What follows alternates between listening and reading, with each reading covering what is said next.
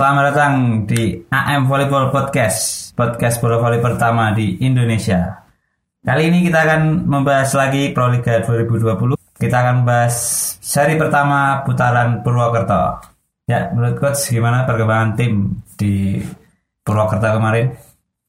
Hmm, kita bahas uh, mulai tim apa ini? Ya kita mulai dari klasemen atas saja. Kita dari JPE. JPE ini lumayan mengejutkan ini. Belum terkalahkan sama sekali ya. Ya. Uh, kemarin berhasil dua kali berhasil menangkan pertandingan. Ya, yang pertama sih uh, kita bahas soal Minik ya. Minik kembali. Minik is back. Minik is back. Minik is back. Menggantikan Vitali Sukimin kemarin. Nggak tahu itu digantikan kenapa. Kayaknya uangnya terlalu banyak ini Pertamina bebas gonta ganti pemain asing. Tapi memang Minik ini memang bisa diandalkan dan terbukti kemarin bisa menangkan dua kali pertandingan. Selain Minik ke kemarin Menzel permainannya sangat bagus, dia attitude-nya bagus, skill bagus, secara fisik juga bagus. Uh, jadi Menzel ini sangat-sangatlah berguna untuk tim JPE. Ya, kemarin mengangkat timnya. Saya juga lihat Menzel itu di tim itu juga sangat punya pengaruh besar gitu loh. Ada ada effortnya untuk memenangkan betul, pertandingan. Betul, betul. Di jarang-jarang loh ada pemain asing mau uh. sliding jauh gitu di depan nyari nyelamatin bola itu jarang hmm. banget dilihat. Ya pemain dari Amerika sih kan memang kebanyakan pemainnya kayak gitu. Itu tuh bagus uh, fighting spirit bagus. Uh, kedua pemain ini memang benar-benar bisa mengangkat tim JPE Nah, tapi selain itu pemain-pemain muda pun uh, bisa mengimbangi menurut saya lumayan ya, benar, benar. Padahal Farhan Halim itu kemarin saya, saya sama sekali nggak tahu siapa itu main, tapi ternyata permainannya kemarin cukup bagus bisa mengimbangi pemain asingnya.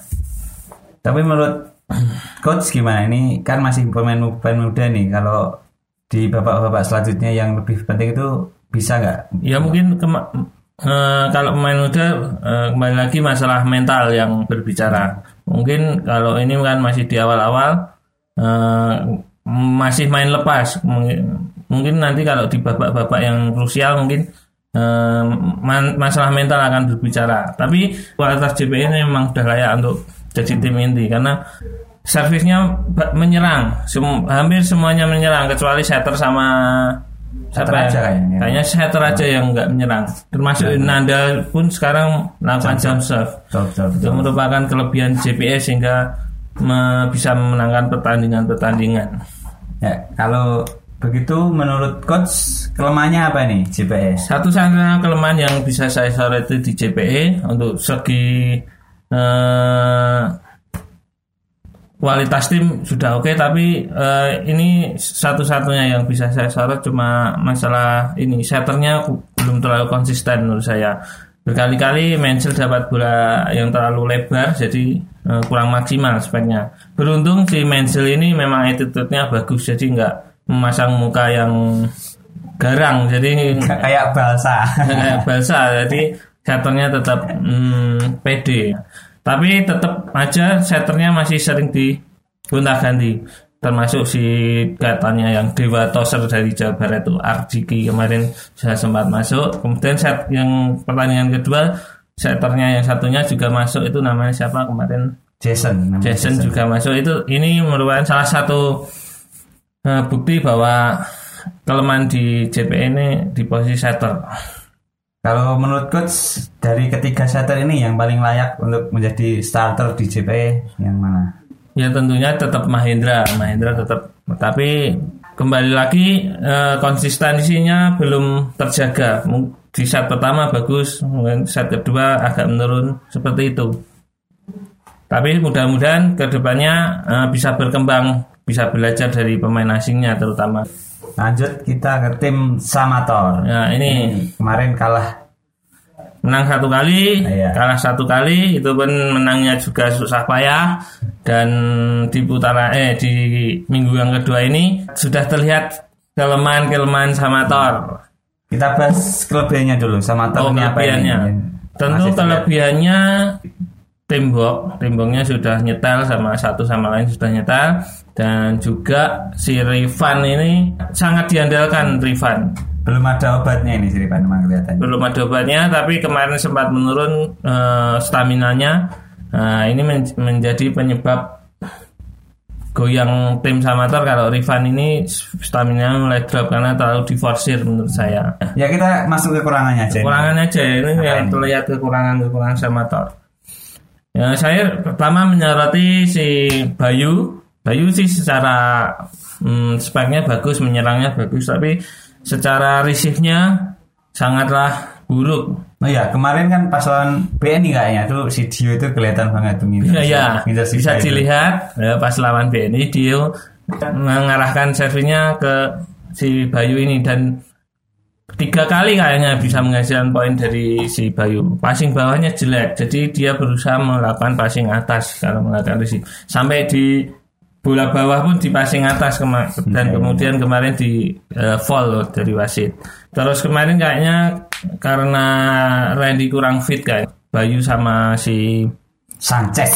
Sanchez jadi Starter. starter dan ini Nah ini Sanchez ini gimana nih permainannya menurut coach? Tidak berkembang sama sekali. Memang beberapa kali speknya gagal, dimentahkan oleh lawan, gampang sekali diblok. Eh, receive juga kurang bagus. Tapi lebih unggul dari Bayu receive-nya, tapi tetap kurang bagus menurut saya. Hmm, tidak ada yang bisa diandalkan dari Sanchez dan kemudian kemarin sempat digantikan juga oleh Randy dan Randy terlihat pucat kayaknya saya nggak tahu alasan pelatih tapi kalau saya melihat sih kurang fit. Dan kemarin pun walaupun Randy masih kurang fit gitu masih lebih lebih perform daripada si Sanchez. iya masih lebih bagus Randy daripada si Sanchez. Lucas Allen tidak main sama sekali. Nggak tahu ini strategi atau memang kurang layak menggantikan kemudian kita menyoroti kelemahan lagi. Kelemahan Samator. Eh, kedua liberonya memang belum layak beberapa kali melakukan error beberapa kali receive-nya melenceng dan saya menyoroti eh, saya curiga ini dua libero ini sebenarnya bukan libero Ya, kayaknya usut punya usut memang kedua libero sama ini sebenarnya adalah spiker muda Iya. yang kurang punya kesempatan untuk jadi spiker jadi diplot sebagai libero. mungkin itu pelatihnya daripada nggak main jadi libero aja kayaknya kayak tim-tim tarkam kita kayaknya ya Ini si Ageng ini jangkauannya aja speknya lebih tinggi daripada si Randy sebenarnya. masa sih Ah, Oh, si iya. Ageng lihat Ageng mana? dua-duanya posternya tinggi semua ya Hmm. mungkin ini kalau nggak salah saya pernah lihat di main di eh, sidoarjo gas Oh industri iya yang sang satu yang Anangsu Anangsu. Nah, itu kan men- menurut saya open spiker itu. Samator kan cuma memberi kesempatan bagi pemain yang kurang jam terbang dan diposisikan sebagai libero. Nah, ini menjadi kelemahan juga di tim Samator. Kalau ini sangat berbahaya bagi Samator kalau nggak diperbaiki di putaran kedua ataupun nanti di final four. Banyak sekali kekurangan di tim Samator ini. Kita menyoroti servisnya juga, servis tim Samator ini servis yang menyerang yang memang eh, ingin mendapatkan poin dari servis cuma Rifan, yang lain tidak ada yang menyerang. Cuma ada Bayu itu juga serve tapi juga kurang serve-nya kurang kurang berbahaya. Kemudian eh, kita menyoroti lagi quickernya juga kurang perform dua-dua quicker nggak tahu nih Yuda itu juga kurang bagus di penampilan Proliga tahun ini nggak tahu masalah fisik atau apa saya nggak tahu. Apalagi ya di sekelas timnas kayak gitu tapi mainnya hampir nggak pernah dikasih bola mana jarang sekali dikasih bola dikasih bola pun tidak poin. Jadi ini eh, dipusing sendiri ini Nizar. Ini sebenarnya ada yang ada sedikit kesalahan dalam fundamental fundamentalnya si Quicker ini. bukannya kita sok tahu ya tapi kita Kita lihat Memang. aja bedanya sama si Quickernya asing BNI. Itu kelihatan banget tuh kelihatan bedanya. ya Pas kan receive di Proliga itu nggak mungkin 100% enak terus. Ada mungkin bolanya sedikit jauh dari net. Terus Quickernya Samator ini tetap terus mepet net. Jadi bakalan sulit untuk mengumpan. Iya, loncatnya dekat net ya, jadi sangat susah untuk memukul bola. Nah, ini emang fundamental skill atau teknik dasar untuk seorang speaker. Jadi memang kalau di Indonesia rata-rata loncatnya terlalu dekat dengan net. Ini perlu diperbaiki. Nah, mungkin Samator mungkin saran saya putaran kedua mengambil eh, quicker ataupun ngambil libero ya yang bisa memperkuat tim lagi nggak useless kayak gini permainannya juga nggak bisa ngangkat Kita lanjut ke tim BNI.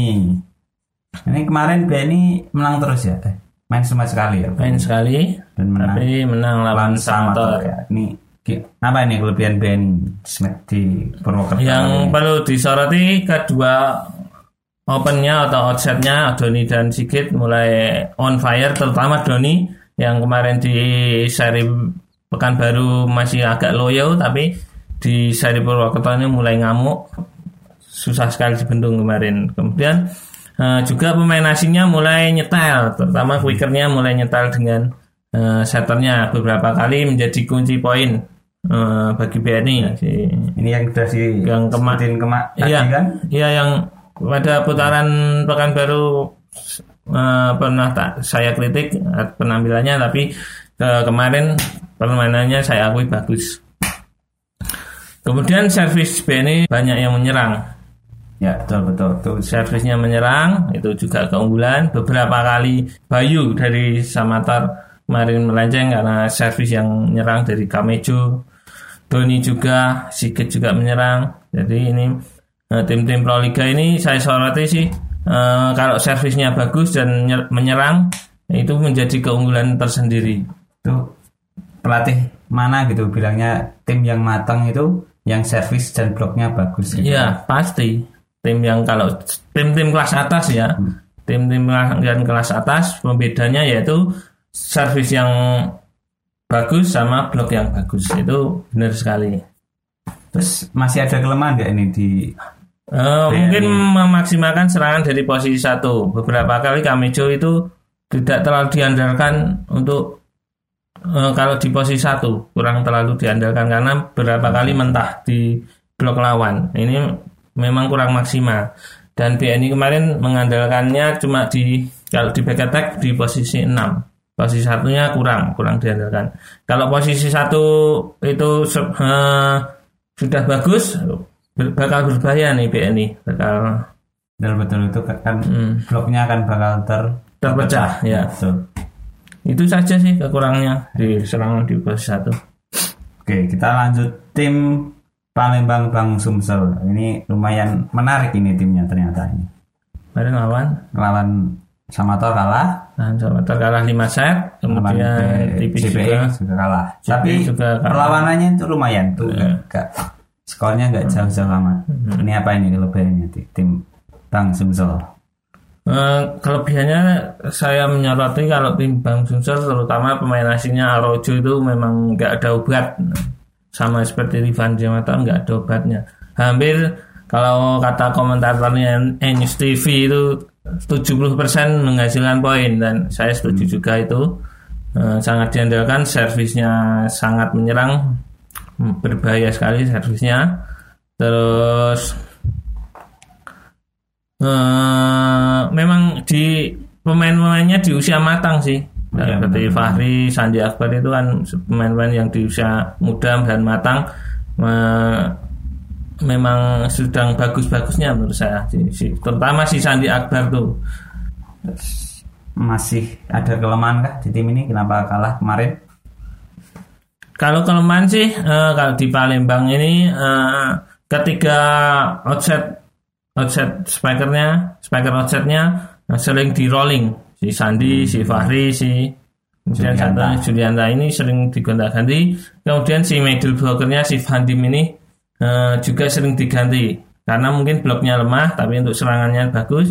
Tapi di set, di poin-poin akhir sering diganti sama si Berliando atau si Aswendo itu juga sering karena bloknya tinggi mungkin Ya. itu mungkin sering rolling pemain karena eh, ada satu sisi yang lemah dari pemainnya kemudian yang perlu disoroti ini eh, di tim Palembang ini masih menggunakan formasi ala-ala Tarkam, Bung.